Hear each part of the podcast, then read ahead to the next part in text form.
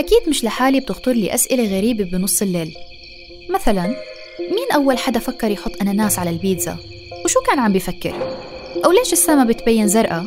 وكيف رواد الفضاء بفوتوا الحمام؟ ولو عن جد مش عارفة أنام بتصير الأسئلة مخيفة شوي شو بصير فيي لو دعست حدا بالغلط وأنا سايقة السيارة؟ أو شو ممكن أعمل لو شرطي قرر يفوت على بيتي ويفتشه؟ أو كيف ممكن أضمن حقي لو فعلا تم توقيفي بسبب من الأسباب؟ وبعدين بحاول أنسى هالأسئلة على أمل إنه ما يصير معي هيك وبرجع للأناناس والبيتزا.